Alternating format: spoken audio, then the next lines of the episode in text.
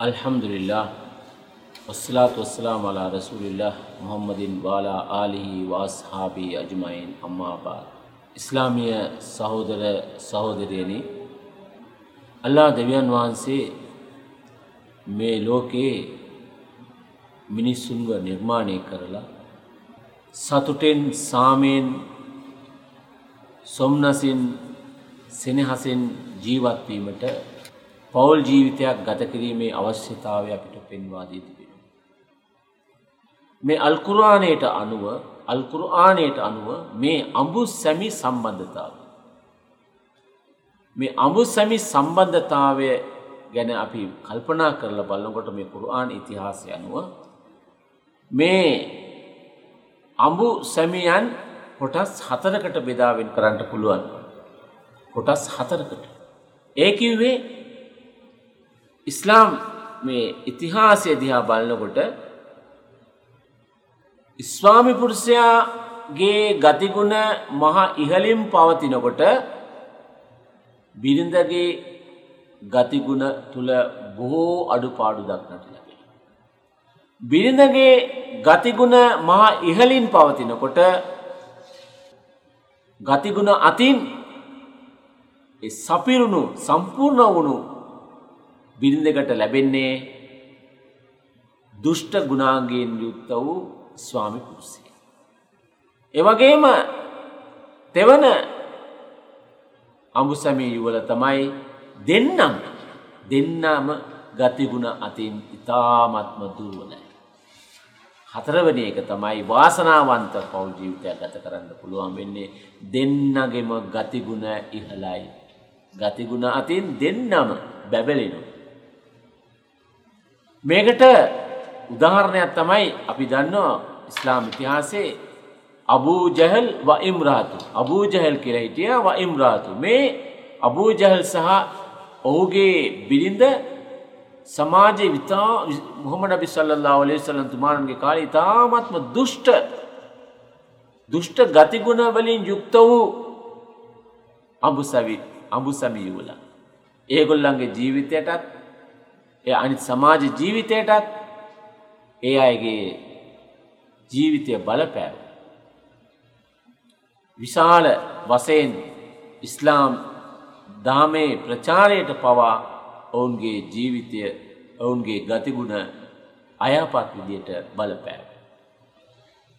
ඒ දෙන්නම්.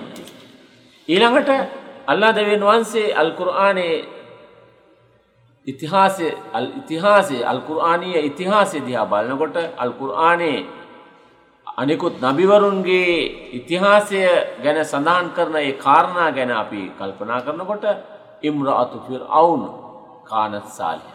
ෆිරවුන් කියන ඒ රටේ නායකයා රාජ්‍ය නායකයා ගේ ගතිගුණ ඉතාමත්ම දුෂ්ටයි. නමුත් ඒ දුෂ්ට නායකයාගේ ආදරණීය බිරිඳ ගතිගුණ අතින් ඉහළ තත්ත්වය උත්තරීතර තත්ත්වයේ සිටිය බව අල්කුර් ආනය පවස. ඒවගේම නුහනබිතුමා එයත් නුහනබිතුමා ශ්‍රේෂ්ඨයි නමුත් ඒ නබිතුමාගේ බිරිඳ වැරදි ක්‍රියාවන් වලට යොමුුණ වැරදි පැත්තට යොමුුණ බලන්න. එවගේම රසුල්ලයි සල්ලා ඔලි සලතුමානන්ගේ ජීවිතය ගත්තත් ස්වාමි පුරුසයෙක් වසයෙන් මොම නබි සල්ලා ඔලි සලතුමානන් සහ බිනිඳ වසයෙන් හදිජාරලියල්ලාහවා තුමිය ඒ දෙදනාගේම ගතිගුණ ඉහළ තත්ත්වයක පැවතුනා පවුල් ජීවිතයක් ගත කිරීම සම්බන්ධය. මොහම නබි සල්ලා ඔලි සලතුමානන්ගේ ඒ හැම භාර්යාවක්ම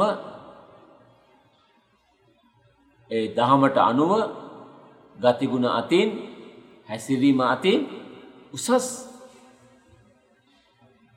ගතිගුණ දක්නට ලැබුණා ඒ අයගේ ජීවිතයති. එතකොට අපි දන්නවා පවුල් ජීවිතයක් ගත කරනකොට මේ පවුල් ජීවිතද අපි දකිනවා ස්වාමි පුරුෂයා හොඳනම් බිරිඳගේ ගතිගුණ නරකයි බිරිඳගේ ගතිගුණ හොඳ නම් ස්වාමි පුරුෂයා නරකයි එයාගේ ගතිගුණ පහත් තත්ත්වයක පවතිනවා.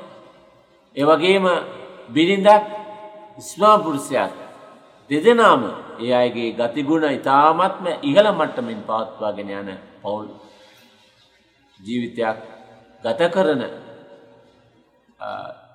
අමු සමීවලක් අපිට දැක ගන්නට පුළුවන්. ඒ වගේම දෙපළම අබු සැමි ජෝඩුවම ගතිගුණ අතින් පහත් තත්ත්වයක ඒ අයගේ ජීවිතය පවත්වාගෙන යන අයත් අපි දකින්න කියලා.